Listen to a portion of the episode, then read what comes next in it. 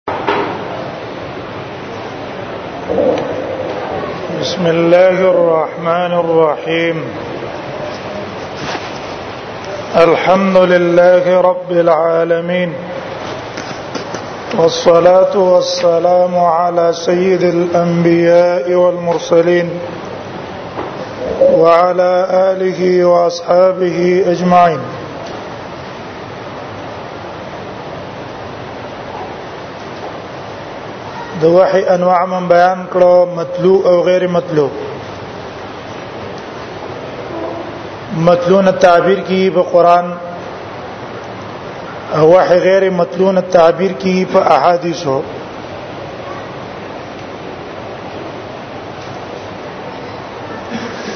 د دې احادیثو کې یو نوع ده چې هغه ته ویل کی حدیث قدسی د دې حدیث قدسی د کومې قبیله نه ده آیا د دې الفاظ بینه د الله الفاظ دي او کنا د الفاظ محمد رسول الله صلی الله علیه وسلم جوړ کړي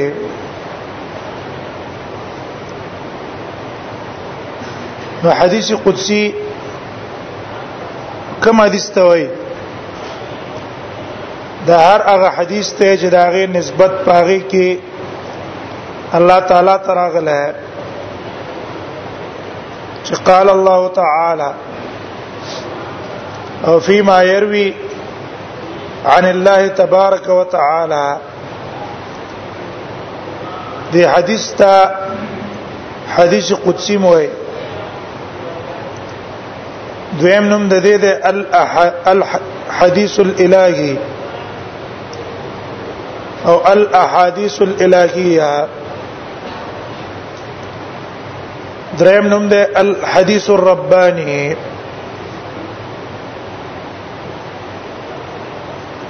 الہی متذدی وجنوي چې نسبت الله تعالی غله قدسی ته دی وجنوي چې الله ته نسبت راغله او ربانی متذکر وي چې نسبت دی الله طرف ته دې احادیث قدسیو کې اختلاف دي د علماو آیا الفاظ دي احادیث قدسیو دا د الله الفاظ دي چې نبی صلی الله علیه وسلم ته نازل کړي دي په شان ته د قران دغه د قران الفاظ د الله دي او نبی صلی الله علیه وسلم ته نازل کړي په واسطه د جبرئیل او نبی صلی الله علیه وسلم الفاظ ادا کړي او کنا دا حدیث قدسی په شان ته د نورو احادیثو معنی نبی صلی الله علیه وسلم تنازل شوه او نبی صلی الله علیه وسلم دا غنه تعبیر په خپل الفاظو کړه ہے نو بده کې دوه قولې د علماو یو قول د علماو دا ده اولنې قول الفاظ د احادیث قدسیه او د الله الفاظ دي او محمد رسول الله صلی الله علیه وسلم را نقل کړي دغه قران چې د الله کلام دی او نبی صلی الله علیه وسلم صرف موږ ته نقل کړه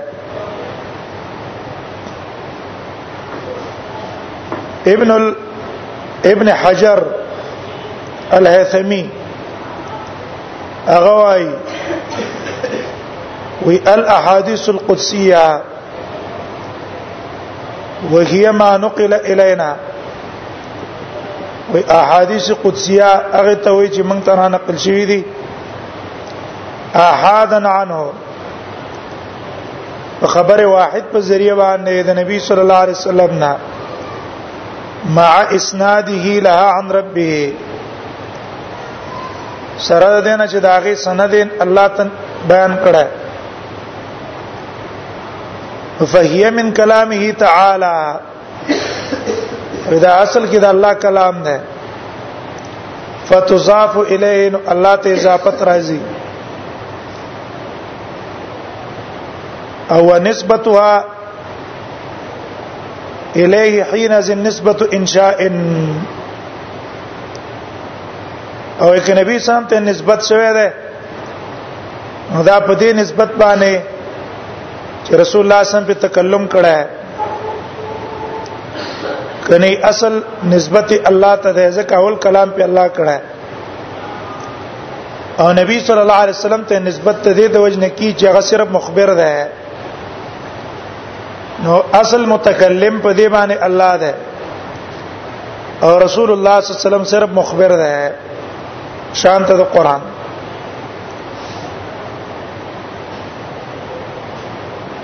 او هر چې قران دی وې په قران نسبت صرف الله ته کیږي اوس راشه د قران کې د څه نشي ویل چې قال رسول الله صلی الله علیه وسلم قل اوحي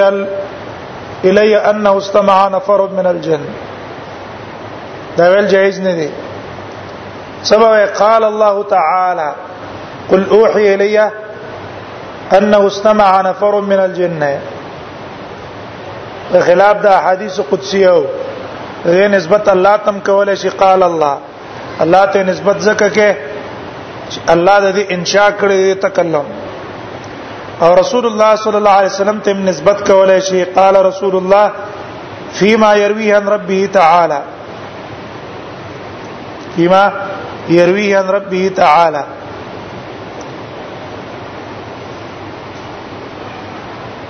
دا فرق شو یو د علماو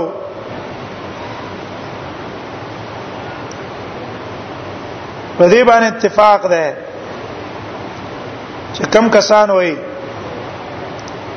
چې دا د الله کلام ده نو په دې اتفاق ده چې کم صفات د قران دي هغه صفات هغه د احادیث قدسیه وبینه دي احادیث قدسی او نه ده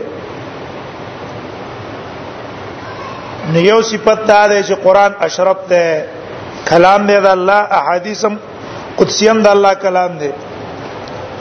ولیکن قران اشرف ده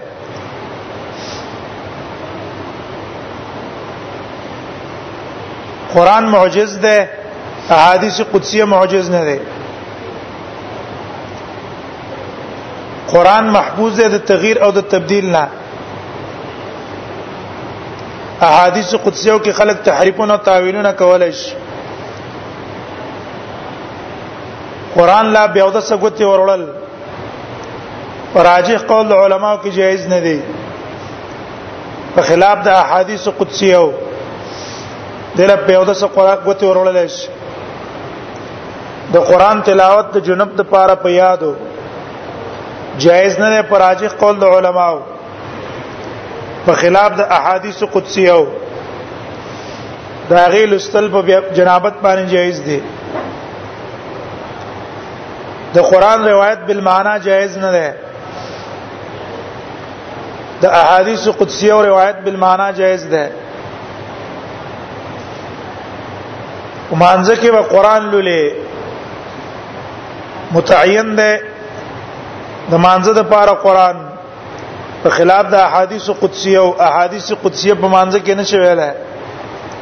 کوه دی ویل مونږ به خرابېږي د قران په تلاوت کې په هر حرف باندې لس نه کې تا ته لیکل کیږي د کې د تا ملاويږي په خلاف د حدیث قدسی وغیر ذالک کم چې خصوصیات دي د قران نو هغه په حدیث قدسیو کې نشتا خو کلام د الله ده قران هم د الله کلام او احادیث هم د الله کلام فرق ادا شو دوانه د الله کلامونه دي او د قران چې کوم خصوصیات دي هغه په احادیث قدسیو کې خصوصیات نشته صرف الله کلام ده او مقصد په کې سره ترغیب دی او عمل تھا دی علماء استدلال نه ولا چې دا د الله کلام دی او محمد رسول الله صلی الله علیه وسلم به نه مونږ ته را نقل کړه ہے الفاظ د رسول الله نه دي یو دلیل لاغي د پاره هغه دا دی چې دا منسوبه الی الله تعالی د احادیث قدسیه نسبت الله تعالی ته راغله ہے حدیث قدسیه نسبت الله تعالی ته راغله دیو جنا دته الاحاديث القدسيه وي او الاحاديث الالهيه او الاحاديث الربانيه دیوې کې چرته دا کلام د رسول الله صلی الله علیه وسلم په شان ته د عام احادیثو د عام احادیث عبارات د چا دي د محمد رسول الله دي معنی نبی سلام ته وحی شوی دا تعبیر تر رسول الله په خپل الفاظو کړه او کدا احادیث قدسیه او الفاظ هم د رسول الله وې او دا الله نه وې بیا به رسول الله صلی الله علیه وسلم ته نسبت نه کېده الله ته به نسبت نه کېدل بلکې نسبت به رسول الله صلی الله علیه وسلم ته کېده په شان ته د عام احادیث ام حدیث کې من سو آیو قال رسول الله صلی الله علیه وسلم انما الاعمال بالنیات انما الاعمال بالنیات نسبت چا تراغه قال رسول الله تراغه او په حدیث قدسی کې سړي قال الله تبارک وتعالى يا عبدي او يا عبادي ګور نسبت الله ته کیږي دا نسبت دلیل په دې خبره چې دا د الله کلام دی دا یو دلیل شو دویم دلیل دا ده چې په احادیث قدسیو کې ضمائر د متکلم چې دي دا ټول راجی دي الله ته کم ضمائر د متکلم چې دي دا ټول الله ته راجی دي دا دلالت کوي په دې چې دا کلام د الله دی کلام د رسول الله صلی الله علیه وسلم وې ضمیر د متکلم به نه استعمال ولا ضمیر د غائب په استعمال کړه وې لکه ګوره څونه حدیث قدسی چې دی پاکه لفظ د یا عبادی ده یا عبادی انی حرمت الظلم علی نفسی وجعلته بينكم محرما فلا تظالموا يا عبادي یا عبادی کی متکلم راوړل کنه نسبت الله ځان ته کړه دارنګي حرمت الظلم على نفسي کدا در رسول الله کلام دې څه به ویلې چې یا عباد الله ان الله حرم الظلم على نفسه وجعله محرما بينكم کاردا وجه زمير د چا راځي کړه زمير د غایب راځي کړه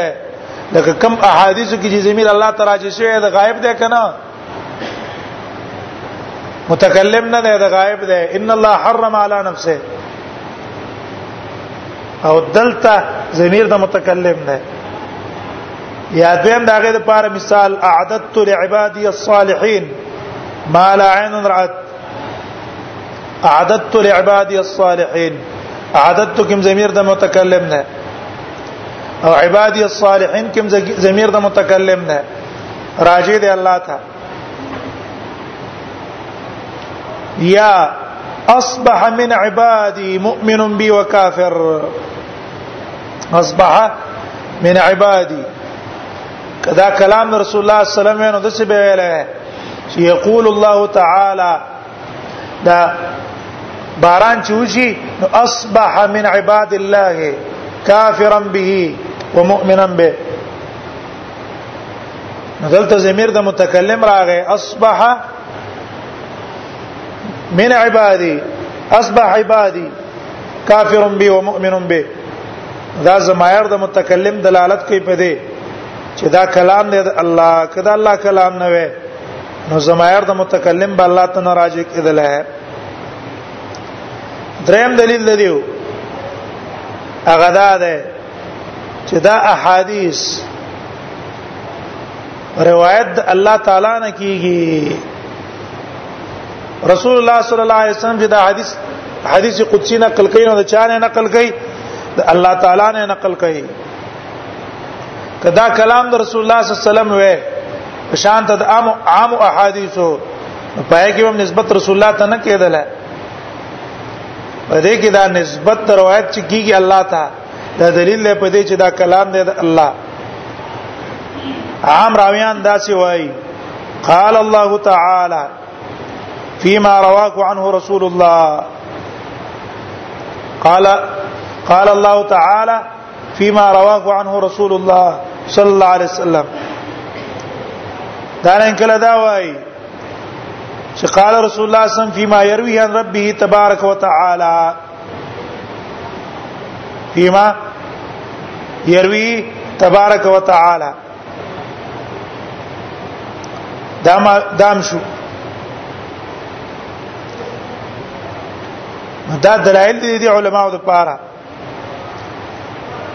لیکن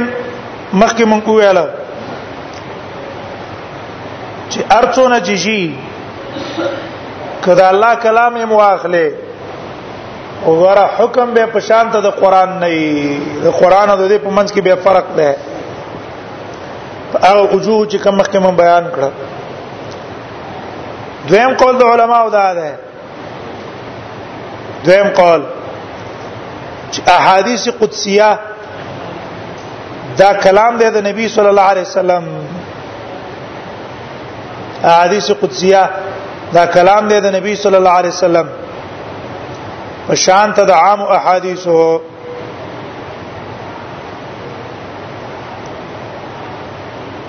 دیو جناب البقاء هغه وايي ان القران وی قران دا دی چې ما کان لفظه و معناه من عند الله بوحي جلی قران د الله د طرف نه الفاظ نازل شي دي معنی هم نازل شوی دا په وحي جلی سره واما الحديث القدسي فهو ما كان لفظه من عند رسول صلی الله علیه وسلم وی حدیث قدسی چې ده د دې الفاظ رسول الله صلی الله علیه وسلم جوړ کړی دي او معنا مقصد د الله د طرف نه راغلی دی بل الهام او فی المنام یا نبی صلی الله علیه وسلم ته الله په ځل کې خبره چولې نبی سم دا غینه تعبیر کړی دی په حدیث قدسی باندې چې قال الله او فيما قال الله تعالی او یې په خوب کې ته خبره خو ده او بیا رسول الله صلی الله علیه وسلم را لګیدل دا غینه تعبیر کړي په خپل الفاظو هغه قول مطابق د احادیث قدسیه او الفاظم دا الفاظ دي د رسول الله صلی الله علیه وسلم په شان ته د عام احادیث عام احادیث غونډه کې او ادیتا حدیث قدسی او حدیث الهی او حدیث ربانی دا صرف د دې د وجه نه وایي چې الهام د الله د طرف نه پزړه کې وته شوی یا ته په خوب کې خود لای شوی دی وجه نه دا وته وایي او دا معنا تی بي سره هم غوړه کړي تی بي سره هم وایي وي قران چې ده د دې لفظ او معنا دواړو جبريل جبريل نبی صلی الله علیه وسلم تراوړې او حدیث قدسی چې ده اخبار الله معنا او الله خبر داغه معنا ورکړې ده نبی صلی الله علیه وسلم ته په ذریعه د الهام یا د خوب او نبی صلی الله علیه وسلم را لګېدل ده داغه عبارتونه په خپل ادا کړی دي په خپل الفاظو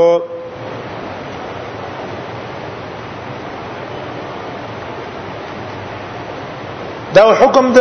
حدیث قدسی او دا اختلاف شو په الفاظو کې خو لیکن حکم په شان ته د قران نه ده حکم په شان ته د عام حدیثو ده موږ په سند کې نظر ساتو جرح او تعدیل ته هم ګورو په دې کې وضع مشتا یوجن علماء به مستقل کتابونه لیکلي الاحاديث القدسيه بنمونو او په هغه روایتونو باندې به کلامونه هم کړی دي او صرف فرق د دې حدیث قدسی او د نور حدیثو دا ده چې دې حدیث قدسی اکثر دلالت کوي په وسعت رحم د الله سر پکې ترغیبات دي کنه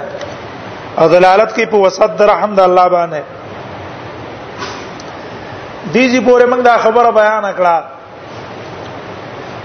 چې حدیث احادیث وحده احادیث یو نوع ده وحده چې نوع ده وحش وا په دې باندې یو بل مسله بحث ته چې هغه محدثین ذکر کوي چې هغه ته ویل کی حجیت الحدیث هغه په خپل تفریح شو حجیت الحدیث حدیث حجت ته کنه ده دا مسله ده د سلفو زمانہ کې دا قصې نه وي هغه ټول متفق په حجیت حدیث باندې چې حدیث حجت ده تمام علما د امت متفقو په دې خبره چې حدیث حجت ده او دا یو مصدر ده من مصادر الاحکام الشرعیه د قران باندې چې څنګه احکام شرعیه ثابتېږي د قصې په احادیث باندې هم احکام شرعیه ثابتېږي مصدر ده د مصادر د احکام شرعیه په دې د تمام علماو اتفاق او دلیل نه ولر د اتفاق د پاره په درې خبرو بل کتاب و اجماع الصحابه والمعقول قران دلیل نه پدې چې احادیث د رسول الله صم حجت ده اجماع د صحابه حجت ته پدې چې احادیث د رسول الله صلی الله علیه وسلم حجت ته په شرع کې استنباط دا استنباط د احکام هم دا غینه کیږي دارنګ دلیل نه ولکی په عقیده کې عقیدم دا غینه معلومیږي او اعمالم دا غینه معلومیږي همدارنګ معقول قیاس هم دلالت کوي په دې عقل هم دلالت کوي په دې خبره چې احادیث رسول الله صلی الله علیه وسلم حجت ده او کوم کسان چې د احادیث رسول الله صلی الله علیه وسلم د حجیت نه انکار کوي دا به عقل خلق دي عقل عاری دي بیوقوفه اول دلیل قران قران کې خډیر آیاتونه په قران کې راغلي چې هغه دلالت کوي په حجیت د سنت باندې او په احادیث باندې امام شافعی رحم الله کتاب د الرساله الرساله اصول کې لیکل نو پاره کې مسله د حجیت الحدیث دا غیر پاره دلایل لاوړي د قران نه دا نه ابن قیم رحم الله دا ابن قیم نه ابن حزم دا کتاب د الاحکام اغم په اصولو کې ده نو پاره کوم دلایل راوړي د پاره د حجیت د حدیث د قران نه چې قران د آیاتونو دلالت کوي په دې احادیث رسول الله صلی الله علیه وسلم حجت ته داغه تابعداري لازمه ده دغه امام شافعي رحم الله مشهور قول له باجمعت الامه على ان من استبانت له سنه رسول الله صلى الله عليه وسلم وې دا ټول علما په دې اجماع ده شاته چې رسول الله صلی الله علیه وسلم حدیث ښکارا شو دا غي تابعداري بکې مخالفت به نه کوي چا د وجه مې نه پری دي ولا یدعها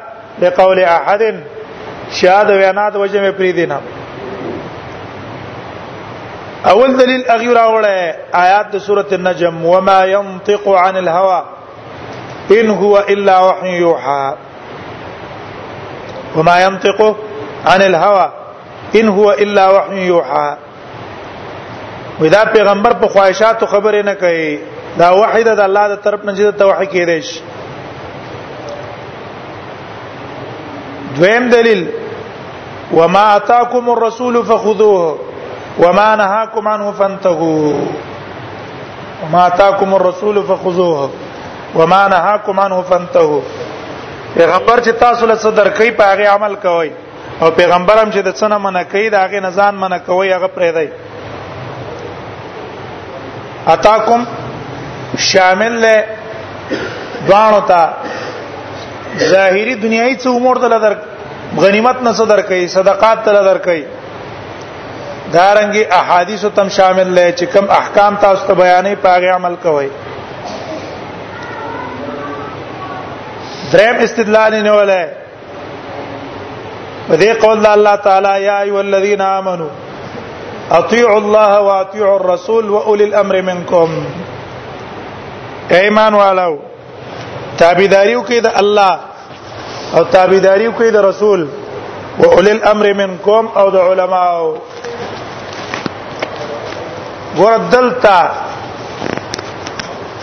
د طاعت الرسول چې مستقل امر کړی دی اطیع الرسول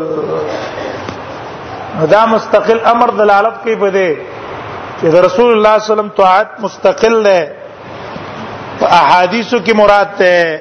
داغه تابعداري په احادیثو کې کوي سلورم آیات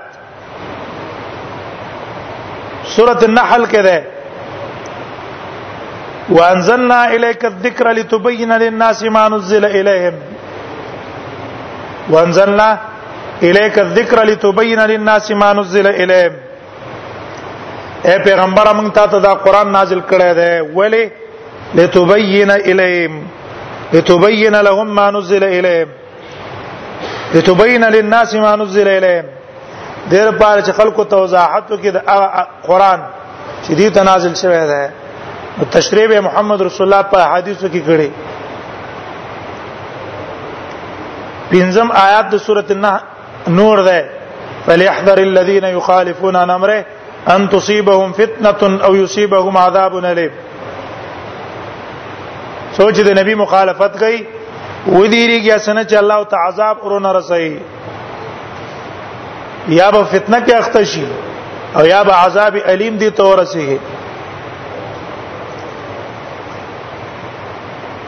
دارنګه سوره احزاب کې الله وایي وما كان لمؤمن ولا مؤمنه اذا قضى الله ورسوله امرا ان يكون لكم الخيار مؤمن سړی د پاره او مؤمن خزه د پاره دا کېدې نشي چې الله او رسول دی فیصله وکي او بیا دې داغه د پاره خپل اختیاري خپل اختیار د داغه د پاره چې رضا زنه منم پکې دې نشي خامخا به منی دا آیاتونه دا ټول دلالت کوي په وجوب او اتباع الرسول په تابعداري د محمد رسول الله صلی الله علیه وسلم باندې دا دلیل شو په دې احادیث رسول الله صلی الله علیه وسلم حجت ته اجماع د صحابه ثابت ده په دې چې احادیث رسول الله صلی الله علیه وسلم حجت کړل په احکام شرعیو کې دا غیر پاره یو مثال ابوبکر صدیق ته چې په دې امت کې بهترین انسان دی بعد رسول الله صلی الله علیه وسلم هغه ته یو خزر اعلی یو نیاو تراله او ته ویل چې زمان وسه مړ شوی دی د زوی زوی می مړ دی د هغه په میراث کې زما حق شته ده کنه ابو بکر صدیق تو ویل مالک فی کتاب الله شیء قران کې خو د نیا حصہ نه ذکر شوی او ما علمت لك في سنه رسول الله شيئا او ما ته د نبی صلی الله علیه وسلم سنتو کې حصہ نه معلومه چې نیاله څونه حصہ ور کړی دا ابوبکر صدیق ته حکم نو معلوم نو فرجعي حتى اسال الناس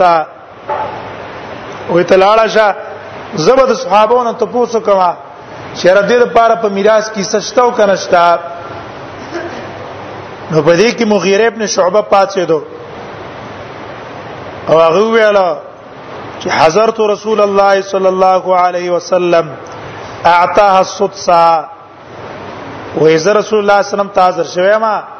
چې دینیاله په میراث کې شپږم حصہ ور کړی دا او بکر صدیق ته ویل هل معك غیرک تاسو ربل څوکشته دی چې په دې حدیث باندې تاسو غوي وکي ابوبکر صدیق غرض دانه دی چې خبره واحده نه قبله خبره واحد معتبر ده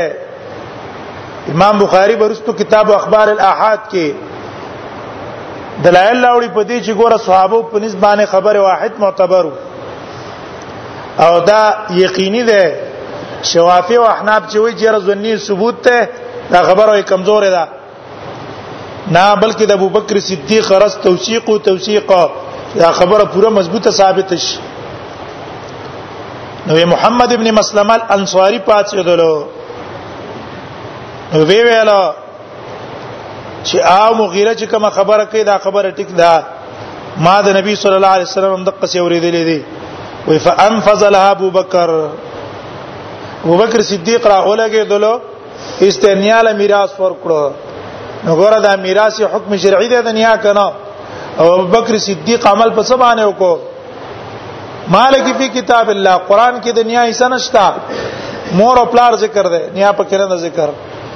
رسول الله ابوبکر صدیق چې میراث نه اله ورکو نو د څه وجه نه ورکو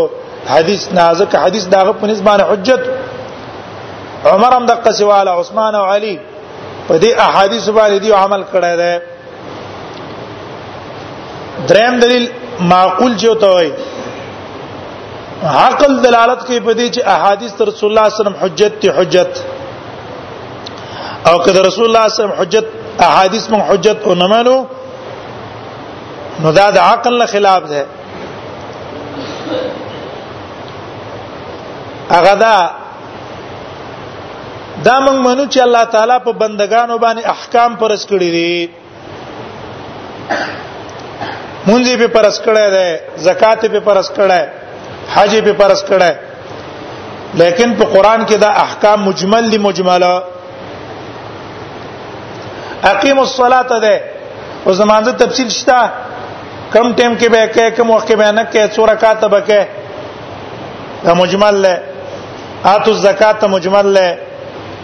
ولله علی الناس حج البيت مجمل له وغیر ذلک د دې تفصیل چا کړی دی رسول الله صلی الله علیه وسلم کړی دی د اجمال بقوله او فعله په خپل قول او فعل باندې وسک او دا تفصیلی په څه باندې کړه د دې آیات د وجه نه وانزلنا الیک الذکر لتبین الناس ما نزل الیهم نو که چرته حدیث در رسول الله حجت نه کو نه غنو بیا به دې احکام مجمله باندې عمل څنګه وشي دا خو تکلیف مالایو طاق ده کنه ده تکلیف ما لا یطاق ده یو شی په حقیقت پویږي نه الله په مکلف کی او بیان یې مونږ ته نه کوي دا تکلیف ما لا یطاق ده تکلیف ما لا یطاق صحیح نه ده محمد رسول الله داغه اجمال تفصیل مونږ ته کړه بیان یې مونږ ته کړه نو مخ کې علماو کې اتفاق په دې احادیث رسول الله صلی الله علیه وسلم حجت دیو جن سلفو کې دا مسلې نه وي الته صرف دا مسلې چلی دی چې خبره واحد عقیده په ثابتېږي او فرضیت په ثابتېږي او کنه دا مسلې وي صرف شوافع او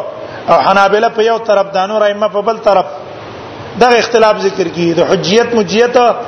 باس متقدمینو کتابونو کې نشته ولې هغه وخت کې دا فتنه نه و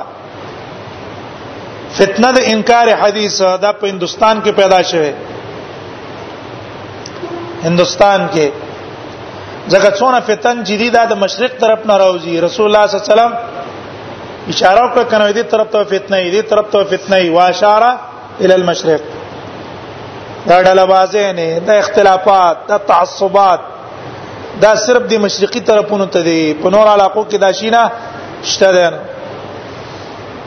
نو دا فتنه په هندستان کې پیدا شوه او بیا دا غي نه رستو خورا شوه څه کسان پیدا شو چې هغه اصل کې د يهودو او د نصاراو نه متاثر وو سره د يهوديانو او د نصاراو څخه چې کینی کنه هغه سه ناس ته پاستای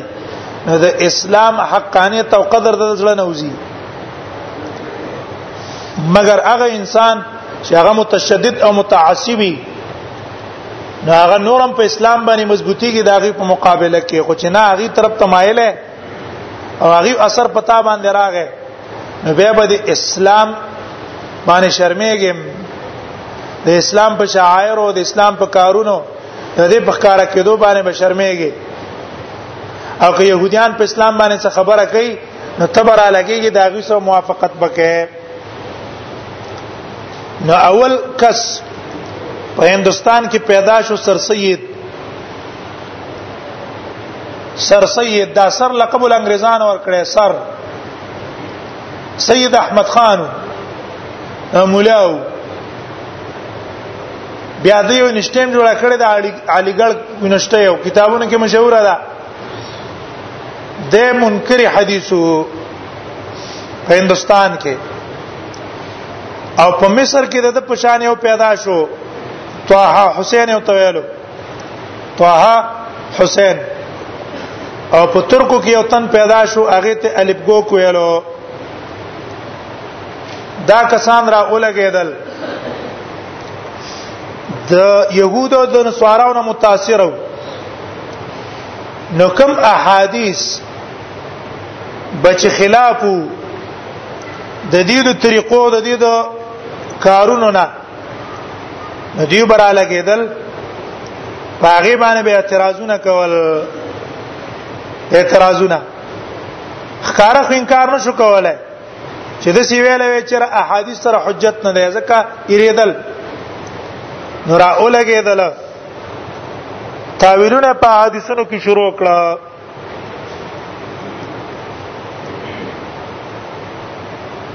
او وی ویل چې ګوره وای دا کوم احکام چې د احادیثو نه راوتی وای دا اسی امور استنباطیه دي دا علما او د حدیثو نه راستري دي او فقها او راستري دي او د دې تابعداري وي په موږ باندې لازم نه ده د دوه وجونه یو وجه دا ده الشک فی نسبته الى رسول الله صلی الله علیه وسلم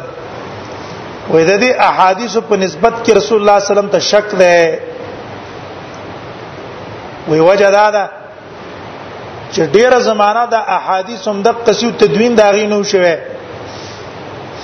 سل کال بعد د رسول الله صلی الله علیه وسلم د احادیث لیکل شوی دي چې په احادیث باندې سل کال تیر شو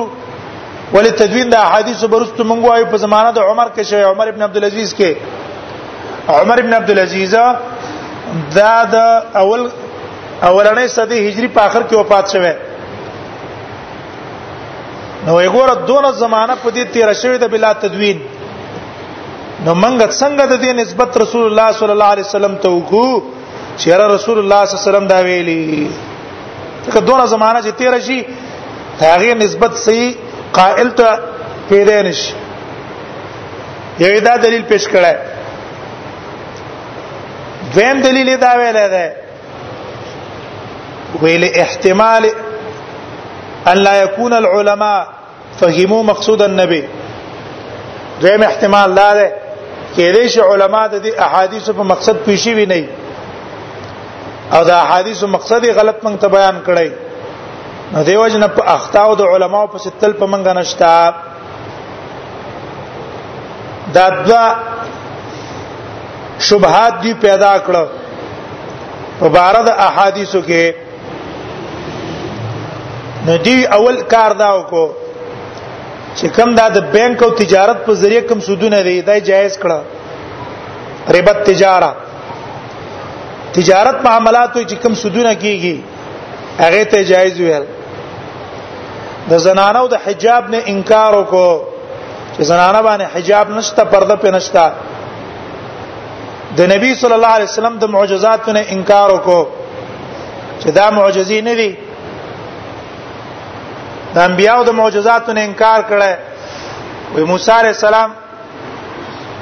چې تور پورته شوی دی وای دا تور پینه نه پورته شوی دا اصل کې داغه په یخ کې دی دی راو قلزم کې چې موسی عليه السلام تله دی دریاب نه چاودلې دا رنگیز یو پاغي ور وخته فرعون په جوور ځای ورغه او دی په رنگیزي باندې وراله دا انکار کړه د معجزاتو د نبی صلی الله علیه وسلم د انبیانو انکار کړه دارنګ د دا ملائکو نه انکار کړي د پیران نه انکار کړي د شیطانانو نه انکار کړي ملائک ملائک نشتا دغه مونږ نینو پیران مونږ نینو نشتا شیطانان مونږ نینو نشتا او کوم چې په قران کې ذکر شوی دی دینه مراد ملائک نه مراد هغه انسان کې یو اراده ده د خیر بدعت مراد ده پیران حقیقت نه لري او کم چې ذکر شوی دی نه مراد هغه غرونه کې چوسيږي شوایق الجبال کې او اعراب او باندو کې چوسيږي دغه پیران دي غرونه کې چې کوم اوسيږي دا پیران دی وای دغه انسانان نو تعبیر په پیرانو شوی او شیطانان نشتا شیطانان نه مراد هغه قوت ته په انسان کې شهوات او اهوا او خواهشات چې د انسان په نفس کې پراته دي وې دا ته مراد ده نو د دې نه انکار کو دا منکرین حدیث دي وسم دا غو شاګرد شتا هغه یو شاګرد شتا نه میدان ته ځان رښتلې ده چې رزب شهرت حاصل کوا نو د وتر او یو رکعت وتر نه انکار وکړو چې یو رکعت وتر هم نشته د هغه نه انکار وکړو چې شو دا کې محرم کې روزه نشته دا حدیث صحیح نه دی او همدارنګه وی آدم علی السلام دا وی چې الله خو کول کولال نه دی چې خلقت به یدی یا پلاس پیدا کړه دا غیر منکار وکړه رب العالمین په مانځ کې نشتا وې دا خلق په نه پويږي دې ته تسلیمي معنا ده دغه جنگ کې تاسو کې سار کې په ټوپک باندې ناغه تلاش پورته کې موږ تسلیم خانانو په دیول کې مې رب العالمین نشتا په دیول کې به ول رب العالمین کې چې دا تعویلونه او تحریفونه کوي د تویل کې هغه منکرین حدیث کار خو ځان ته نه وای کنه چې زه حدیث نه مانم ځکه اوس په سوچ خلک پتو د کوپر ور کوي دیو جن ډېر کسان به سي لګي دي هغه ته پلاس او د پیچکش سرکار لره د سړي چې کمپنی پاپن کې د ګوتې وای کمپنی پاپن کې بغوته وای چې کمپن دې نه پاکه بغوته نه وای دیم د قص انکار د احادیثو نه کړو انکار چې دانشتا او دانشتا او دانشتا خپل عقلیات باندې دین بنا کړی دا دین خو څه دې نه ده چې ته راولګي بس یو مضمون په ذهن کې جوړه اگر دا اخبار چې راواله کنه اخبار په دې منځ کې درچا عنوانونه داد به داد او فلان او فلان ناغه یو کش شوی دا کش نه غاټ مضمون جوړ کی ته چې رښتیا ده دي ټول صدروغ هغه ځین روان کړي خبرې وسه جوړې کړي په دین کې مضمونونه چلول نه جوړيږي چې ته قلم لګوتې ورکې او بسره مضمون جوړه په خپل عقلیاتو بنا کې په خپل عقلیاتو کې دین بیا بنا کو غټ گمراه بدنه جوړ شي دې من کار وکړو دا غي نرستو به یو تن راغې نو دې په شاګردانو کې عبد الله چکړالوی وته وي عبد الله چکړالوی او هغه راوله کې دلو یو مستقل جماعت جوړ کو او دا غینو می کې قستلو اهل الذکر والقران جماعت اهل الذکر والقران بس وي منګه د قران تابع په قران پسې بزو او دا د دیو مشورو به دې را اولګې دلو د دې عمومي دعوت شروع کړو خصوصا په کالجونو په نشټینو کې پای کې دعوتونه شروع کړه او احادیث د رسول الله صلی الله علیه وسلم نه کار انکار وکړو دا په لاهور کې او سم داغي دعوتونه په کالج کې ډېر په عروج باندې ده او دقه کالجیان چې قران او حديث یې واسطه نه یو دین تراشي په دقه مرز کې اخته کیږي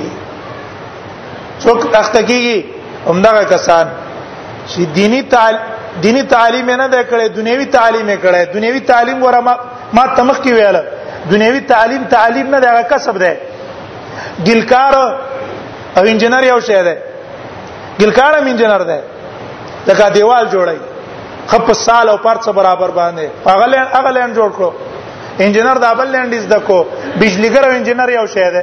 بجلی چې څوک جوړي هغه هم دی دا کسبونه دي ګلکار ترکان همدارنګه دا موچی خیاط چې کپڑے ګنډي حساب والا کمپیوټر باندې حساب کوونکې دا ټول یو شی کسبونه دي علوم دا نه دي علوم هغه چې الله رسول ته دي کم بوزي اخرت طرف ته دي کم بوزي دا اصل کې علم ده دا کسبونه دي کسبونه کسبونه دا به تاسو له تجربه ولګي غټ دنیوي په علوم کې ماهر دی دا د طریقه ولا نه ورزي استنجا طریقه ولا نه ورزي یو دعا به ته نه معلومه دعا به ته نه معلومه ازمن کو برا خو تاسو اوریدلی کنه په سملو کې ناس دی به شرمه او یو قل والله احد لنا ورزي یو قل والله احد وای او انګلیش څونه وای او ځان د تعلیم افته څو ادا د علمیت ته د تعلیم وای کسب کسب والا ده کسب والا ده عالم نه ده نور اولګیدل هغه مهنتونه شروع کړه او کار انکار د حدیث نه وکړو خدار او مدار د هغه د انکار په څه واقع ده یو سبب د انکار هغه دا ده دیوی احادیث موږ د پاره حجت نه ده ولی وی پر رسول الله صلی الله علیه وسلم باندې صرف تبلیغ د قران پرځو نو په موږ باندې صرف تابعداري د قران فرض ده او هر چې د نبی صلی الله علیه وسلم تابعداري ده نو د نبی صلی الله علیه وسلم تابعداري په موږ فرض په دې حیثیت نه ده چې دا د الله رسول نه دا د الله رسول نه او نه په صحابه باندې فرض وه بلکې کداغت تابعداري په صحابه فرض وا نو په حیثیت د خلافت او امارت باندې وا چې خلیفہ او امیرو دغه دی وخت موږ دی حکیم حاکم او د خلیفہ خبره منو اقصی په صحابه باندې وا صرف تابعداري د قران فرض وا او د قران نه بغیر بل شرع نشته دا اول خبره دا دی دویم خبره دا دی دا دا چې موږ منو چې کله اوس ته باسو کې به وې چې موږ منو ټیک دا چې د رسول الله صلی الله علیه وسلم تابعداري لازم وه خو په صحابه باندې لازم وه په موږ تاسو باندې لازم نه ده موږ پاغي مکلف نه یې د درېما دویمه خبره دیو چې کله په اوله خبر راټینګ کې نو بیا دې تراشی دیوی چې رسول الله صلی الله علیه وسلم تابعداري لازم او خو په صحابه نه پمن نو چې په دې خبره کې دراټینګ کړه نو بیا وای چې ټیک د موږ د رسول الله صلی الله علیه وسلم تابعداري منو چې دا هغه تابعداري په ټول امت باندې لازم ده لیکن احادیث رسول الله صلی الله علیه وسلم ته په صحیح سند را رسیدلې نه دي احادیث در رسول الله صلی الله علیه وسلم مونږ ته په صحیح سند باندې را رسیدلې نه دي لہذا احادیث او تابعداري په مونږ نشتا کوم ته په صحیح سند را رسیدلې مونږ بداګي تابعداري کړې وې دا دا غيو خبره ده اولنې خبره چې دی وای چې رسول الله صلی الله علیه وسلم تابعداري په موږ فرض نه ده او موږ صرف په تابعداري د قران باندې مکلف یو تابعداري د قران مکلف یو نه د دې دا قول باطل دی د عقل تقاضا په د دې د بطلان ولی وجداد چې ګوره رسول الله صلی الله علیه وسلم تمام انسانانو ته الله بشیر او نذیر ګرځوله ان ارسلناک الى الناس کافه بشیرا ونذیرا رسول الله صلی الله علیه وسلم بخلق ته امرم کوي نهي بم کوي امر بم کوي او نهي بم متکي نو که چرتا د رسول الله صلی الله علیه وسلم احادیث من حجت اونه ګرځاو حجت اونه ګرځاو نو د رسول الله صلی الله علیه وسلم تبلیغ با د قران خلقو ته په کومه طریقه شي چې صرف د قران تلاوت واره نه په قران کې خو مجمل احکام دي کنه قران کې څه دي مجمل احکام دي کله دې مجمل احکام او تفصيلات د رسول الله صلی الله علیه وسلم تفصیل پکې مونږ اونم انو په دې مجملات باندې باندې عمل څنګه شي نو بیا خو رسول الله صلی الله علیه وسلم صرف تعالی شي د قران څه بشي صرف تعالی د قران بشي او حال لا چې رسول الله صلی الله علیه وسلم بارک الله وای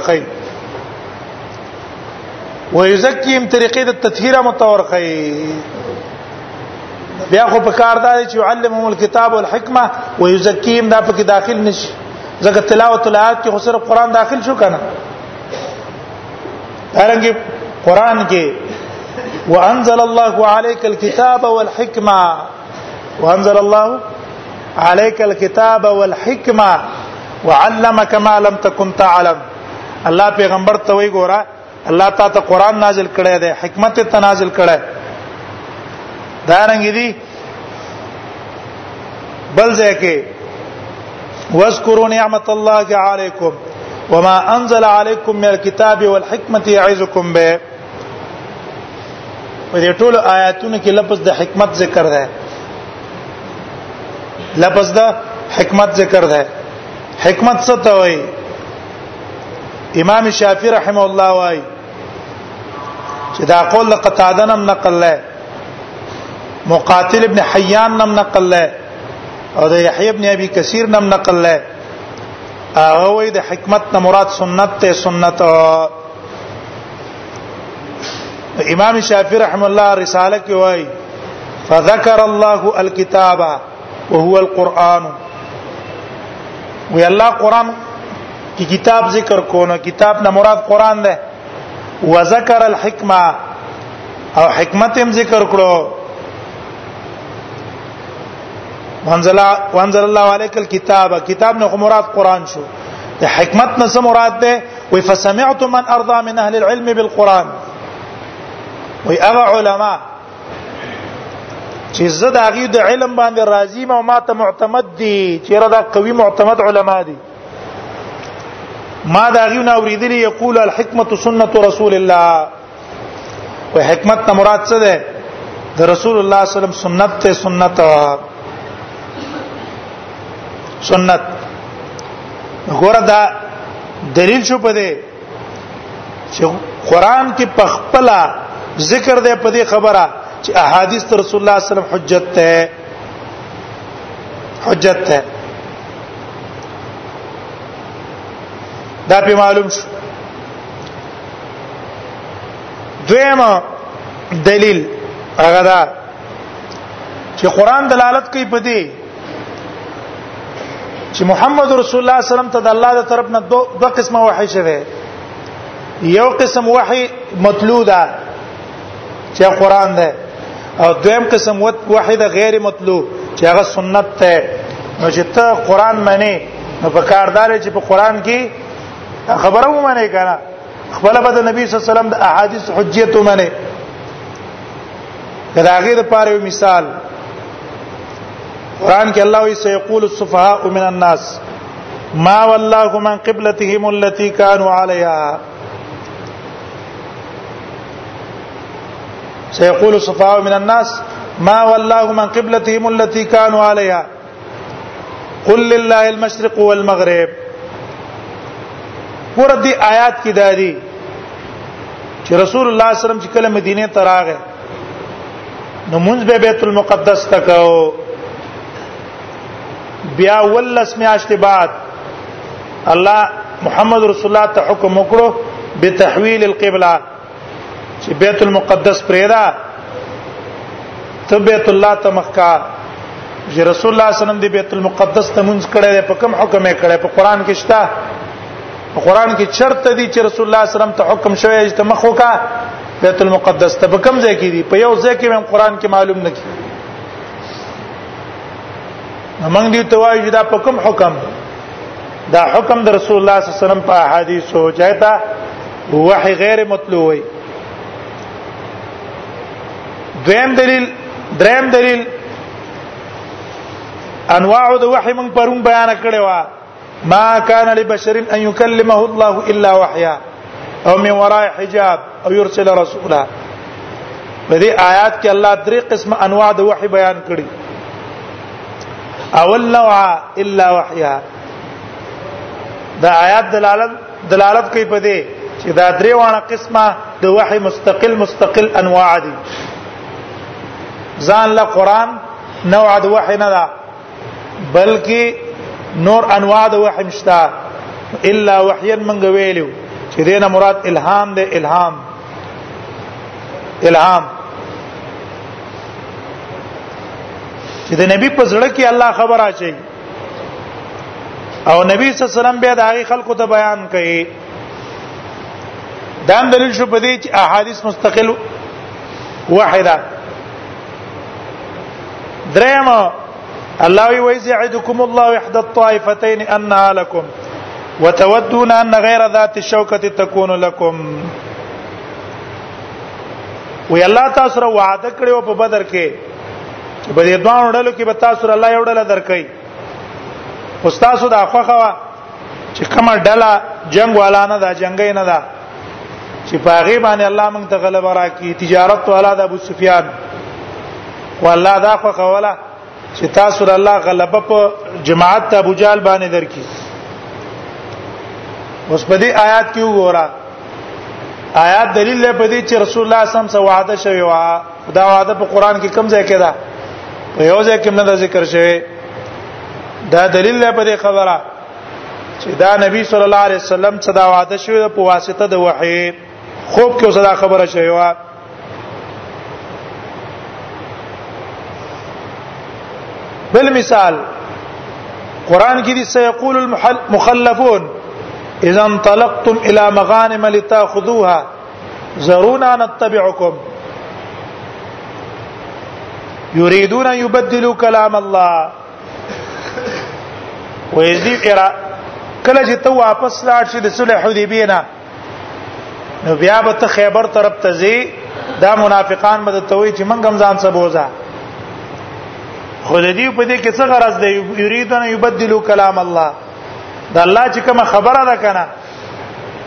نبی سلام ته الله دا وحی کړی و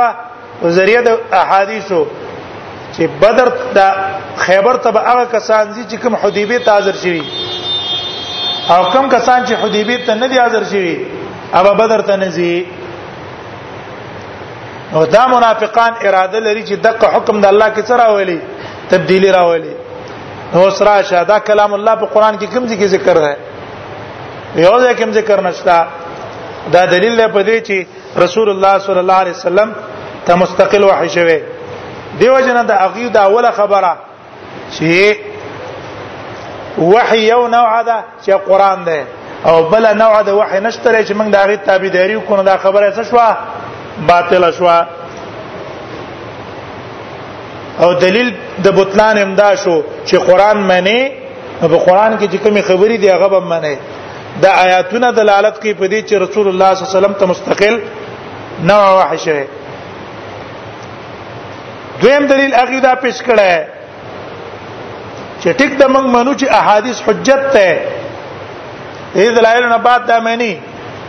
چې د رسول الله صلی الله علیه وسلم احادیث حجت ته موږ ته واه دې کې د دې خبرې نمخ کې زین کې دا پرې باسي چې دې د پاره په دې خبرې دلیل څه ده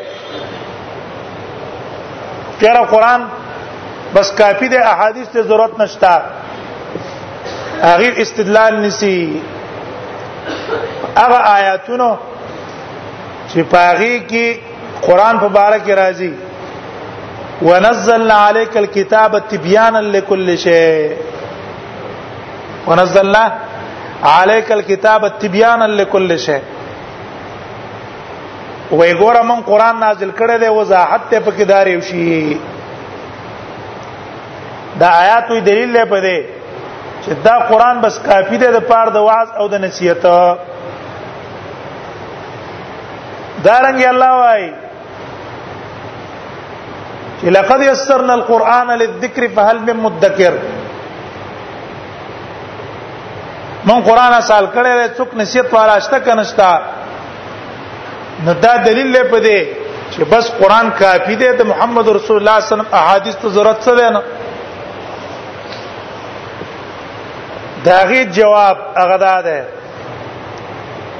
وګوره احکام دوه قسمه دي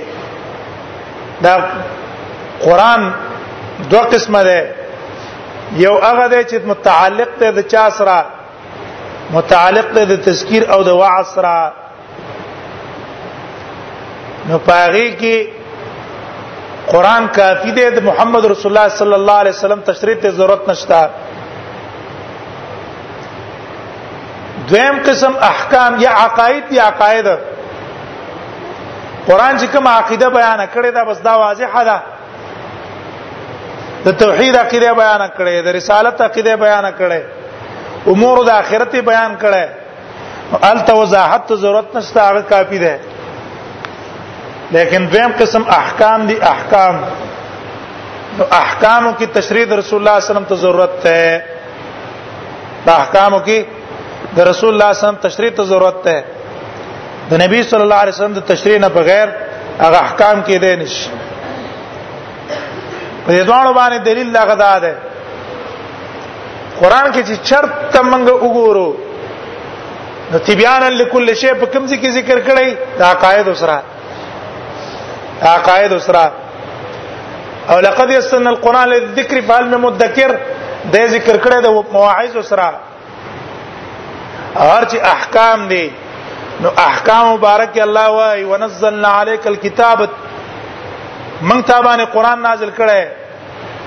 لتبين للناس ما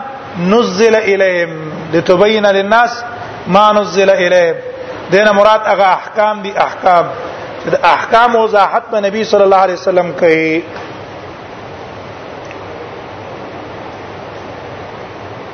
نو دویم نظریه دی دیو دا ده دی وی ټیک د احادیث زمنګ د پاره حجت ته منګه منو حجت ته او دا غي تابعداري په موږ لازمه ده خامخا به تابعداري کو مخالفت په موږ حرام ده ولكن لم يصل الينا بسند صحيح وثيقا واذا احاديث موږ ته په صحیح سند را رسیدلې نه دي په صحیح سند چې پاغه باندې اعتمادي لکه خپل د عبد الله چکړالوی هغه وای ولم تدون السنه ايام حياته عليه الصلاه والسلام وې دا احادیث د رسول الله صم په زمانه کې مدون شوی نه دي لیکل شوی نه دي وتنقلت سماعا الى القرن الثاني الى القرن الثالث الهجري او دقه صرف اوریدو پلان کې دي سویلی پلان کې دي سویلی پلان کې دي سویلی تر درېمه هجری پورې دا کتابونه ابو داود ترمذی نسائی بخاری دا په درې مصدی په ابتدا کې لیکل شوی او تر دې زمانه پر دا حدیثونه صرف را نقل پسې دي دا په سماع دي په سماع بیا وای و اذا كان سامعون لا يستطيعون ذكر ما تحدث تحدثنا عنه في خطبه الجمعه الماضيه او زمنګ سامعینو د تیر شوی جمعې بیان نه یاد چې تیر شوی جمعې کې کوم بیان شوی دی چې هغه وته نه دی یادې نو د 300 کالو مخکنی خبره به انسان ته څنګه یادې فكيف بسماع مئات سنه څل کال بعد یو خبره تا نقل در نقل کړو په کتابونو کې دی اولی کله دا به څنګه مونږ وایو دویم وې دا ده د چکړالوي دیمه خبرو صدا کړي وې د دې تاخر سره سره یو خدا تاخير شو خو د دې سره سره بل خبره غدام ده چې په دغه زمانه د نبی صلی الله علیه وسلم او تابعینو کې ډېر منافقانو ډېر منافقان او قد استحالت معرفتهم على النبي صلى الله عليه وسلم و ډیر منافقان او دغه منافقان نبی صلی الله علیه وسلم ته نو معلوم هغه نه پیجندل نه پیجندل دلیل په آیات ته الله خپل نبی ته وای ومن اهل المدینه مرضوا على النفاق لا تعلمهم نحن نعلمهم سنعذبهم مرتين واذا آیات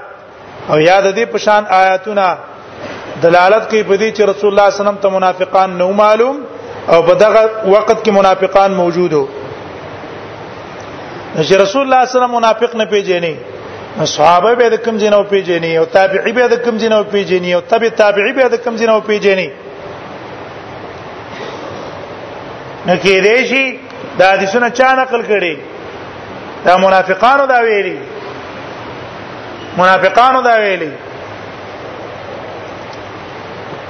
دریم سره دا مې وځه کوي دریم وې مونږ ته د راوي باطن به څه پته لګيږي وې ليسا في وسع المرء ان يطلع على حقيقه رواه الحديث صدقا وكذبا وې د انسان په وس کې دانشتا هغه د راوي صدق او کذب معلوم کی لانهما من الامور الباطنيه وځکه دا د باطن سره تعلق لري او په باطن معلومات صرف الله ته دی چې دا منافق دی که مؤمن دی دا عادل دی او غیر عادل دی صادق دی که کاذب دی نو دا درې اسباب دلیل له بده چې احادیث حجت ته خدا کوم دي سونه چې موږ تراغلي دي دا صحیح ثابت رسول الله صلی الله علیه وسلم نه نه دي وې شي خبره چې دا احادیث چې موږ تراغلي دا حجت ته احادیث در رسول الله صلی الله علیه وسلم خو موږ ته پسې سند نه دی راغلی لہذا موږ دې تابعداري نه کوو او ځکه دلایل شو دای دلایل شو لیکن د دیو جواب دا ټول د منکرین حدیث دا خبره کوي کنه دا تاوی را تاوی هغه بیان چې ګوري دي خبرو نه تاویږي را تاویږي جواب اورانه خبره چې دی وکړه دا چې تدوین د احادیثو روستو زمانہ کې شوه ام زمنګا سامعين ته تیر شوی جمعې بیان نه معلوم دیو ته د سلو کالو مخکنی خبره به کم ځای نه معلومه شي نو دا خبره دا بنا د په جهالت دیو دا بنا ده په جهالت دی دا غټ جاهلان خلک دي بے عقلا سره خبر نه دی ولی یو تدوین دی یو کتابت ته یو تدوین دی یو کتابت ته کتابت د احادیث د نبی صلی الله علیه وسلم په ژوند کې شوه کوم حدیث چې رسول الله صلی الله علیه وسلم ویلې نو په اق ټیم کې صحابه او اغلی کله بیا د صحابو نه د هغه شاګردانو لیکل او ار یو صحابي خپل شاګرد ته ترغیب په کتابت ورکړي کذالک او تابعین او تبع تابعین لیکل او تدوین چې عمر ابن عبد العزيز کړه دانه چې مخکې حدیثونه لیکل شوی نو ناغه لیکل احادیث په یو باب برابر کړی دی په یو موضوع برابر کړی دی مخکې حدیثونه بچو به ترتیب وو به دی وراله کې په یو ترتیب لیکلې زړه د تدوین او د کتابت منځ کې فرق نه کې د قصي په گمراهي باندې باور رواني جاهلی جاهلی پویږي نه کنه کتابت د حدیث هر صحابي ځان حدیث لیکل به شاګرد داغه نه لیکل او خپل کتاب د استاد د کاپي سره برابر کړه دلیل د دې خبره ده پاره چیرې صحابه د نبی صلی الله علیه وسلم په زمانه کې د حدیثونه لیکلي حدیث د ابو هريره ده وې رسول الله صلی الله علیه وسلم چې کله مکه فتح کړه نو فتح د مکې نه بعد هغه یو بیان وکړو نو د مک یو صحابي او ابو شاه یو تویلو د یمنو هغه ول اې د الله نبی دا خطبه ما د پاره ولیکا رسول الله صلی الله علیه وسلم ویل اكتبوا لي ابي شاه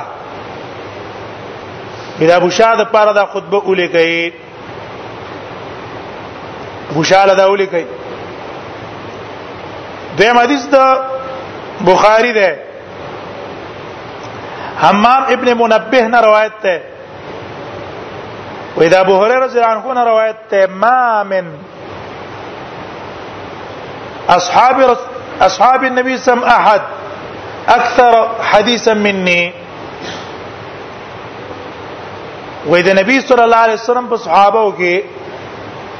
د سیو صحابي نشته چې هغه ته احادیث ډیر یادي په نسبت زما الا ما کان من حدیث عبد الله ابن عمر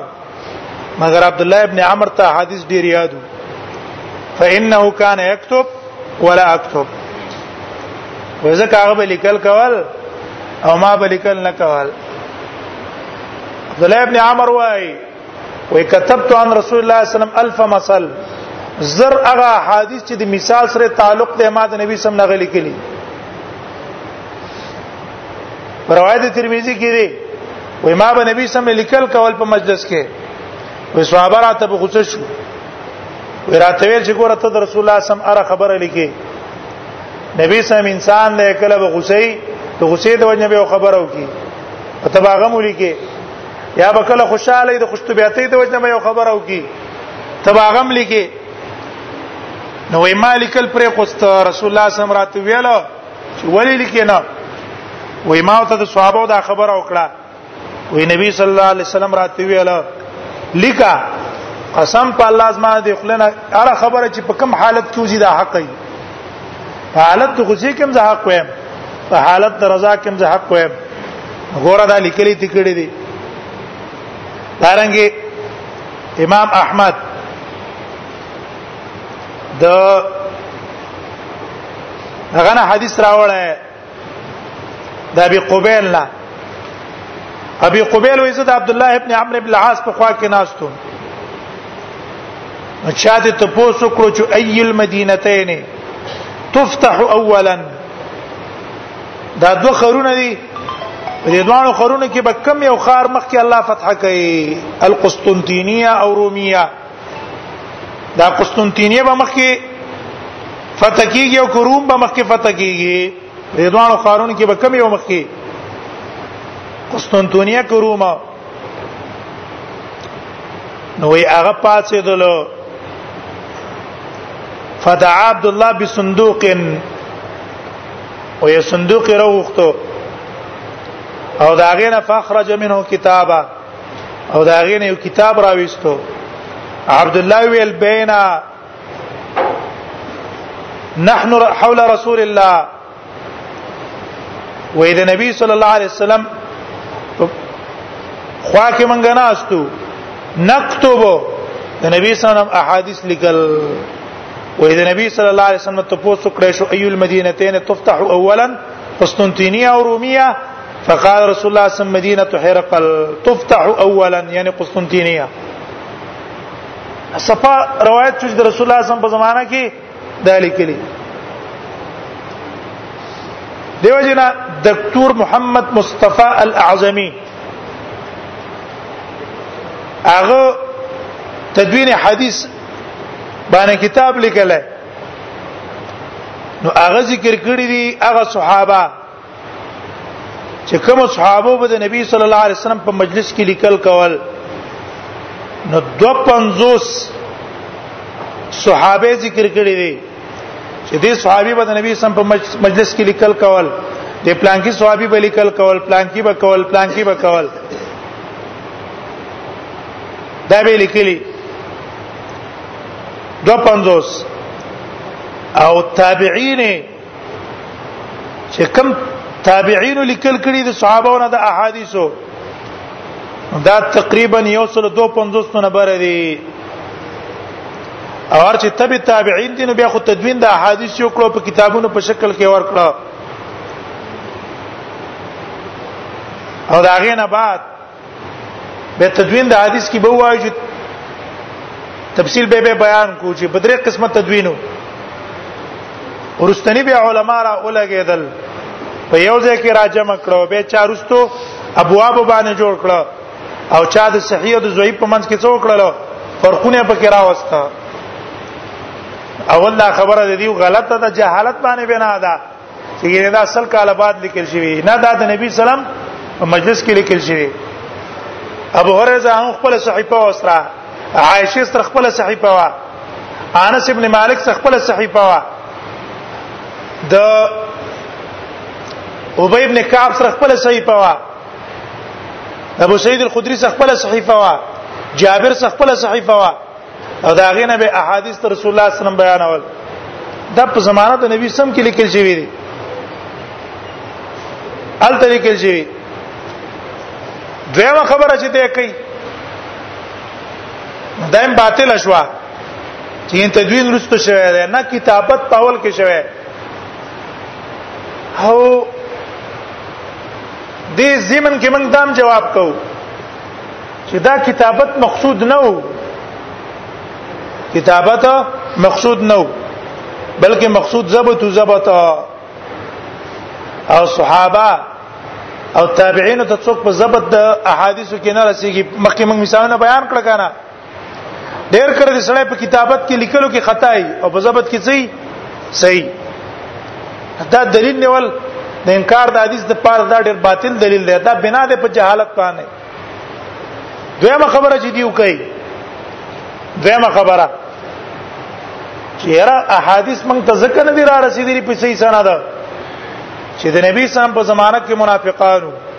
او رسول الله صلی الله علیه وسلم ته معلوم نه و کې دې چې دا احادیث موږ ته چاره نقل کړي دې منافقانو موږ ته را نقل کړي موږ دا باطله شبهه ده بالکل باطله وجدادا چې منافقان نبی د نبی سم صحابه ته معلومو او نبی صلی الله علیه وسلم ته معلومو تر دې چې صحابه به داغي نه ځان ساتلو داغي د صحبت نه داغي د ناس ته پاس نه داغي د تعلقات نه به ځان ساتلو نو دا جرأت منافق ته چرته کې دی شي چې دې درا اولګيږي پر رسول الله صلی الله علیه وسلم د ځان نه احادیث جوړي او صحابه او تابعین دې نقل کوي دلیل په حدیث ته د عتبان ابن مالک امام بخاری امام مسلم راوړل وې نبی صلی الله علیه وسلم ته یو صحابي دعوت ورکو عتبان ابن مالک او ته وی ویل چې تراش از ما په کور کې به یو دوه رکعات وکي به بز په هغه ځای کې مونږ کومه نبی سلام ورغه محلي والا صحابه ته چې پته ولګېدله چې پلان کې رسول الله صلی الله علیه وسلم راغله نو ټول خلک هغه تراجم شو داغه ملاقات ته نو په دې کې یو تن تاسو کو چې انا مالک انا مالک الدخشن هغه څه شلو مالک ابن دخشن څه شو یو تن پکې ویلا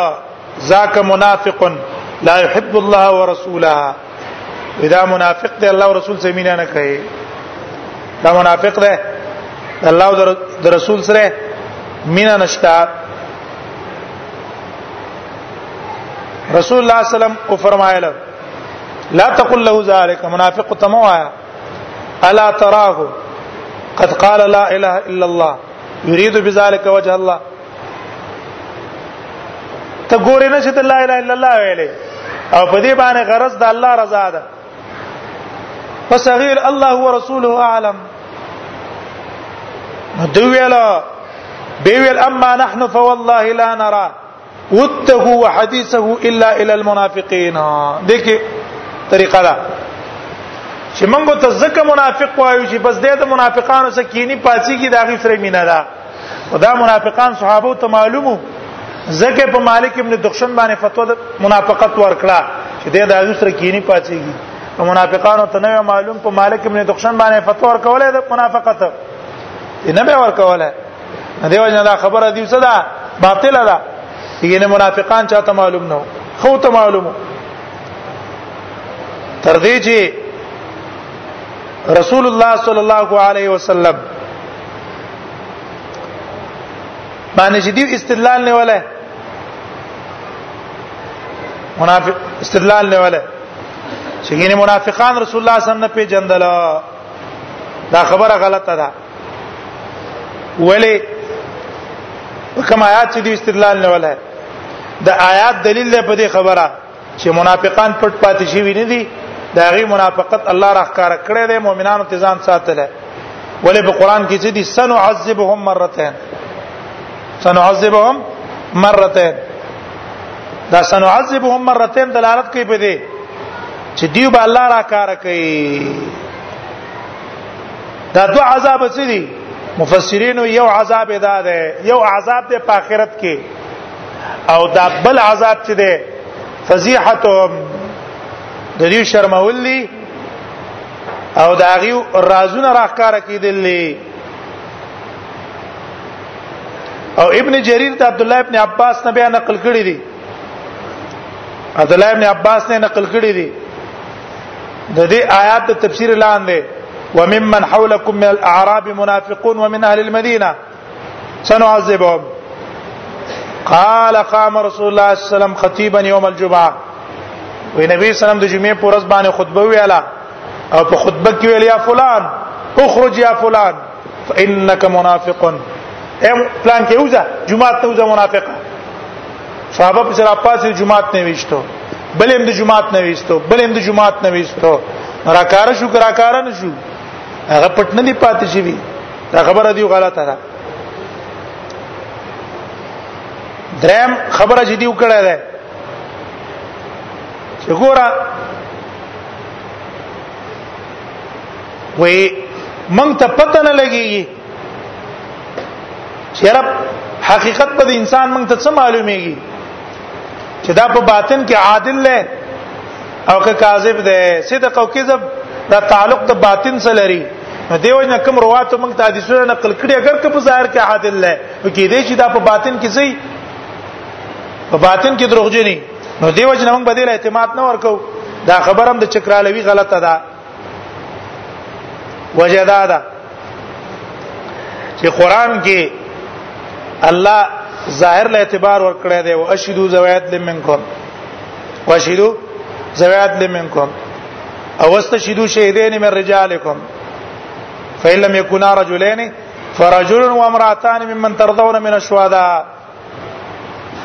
ګور دې آیات کې الله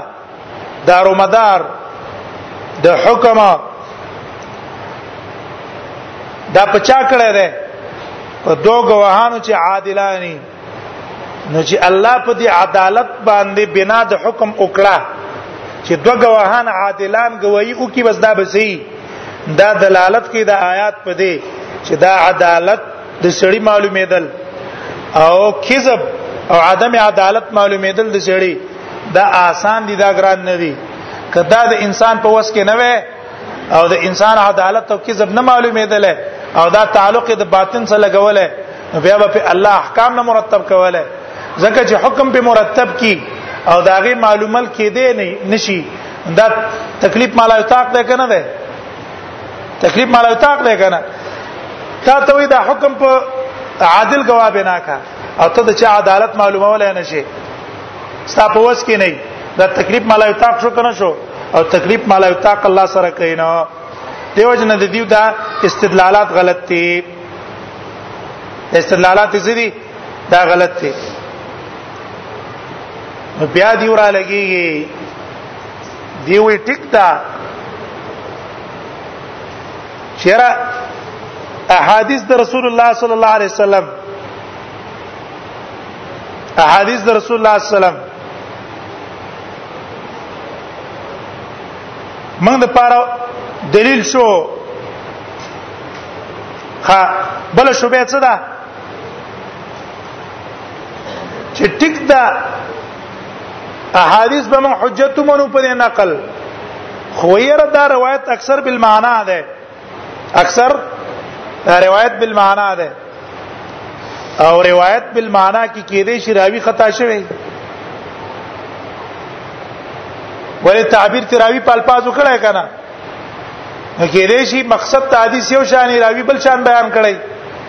دیوژن موږ بدیل اعتبار نه ورکو دا خبره هم د دې غلطه ده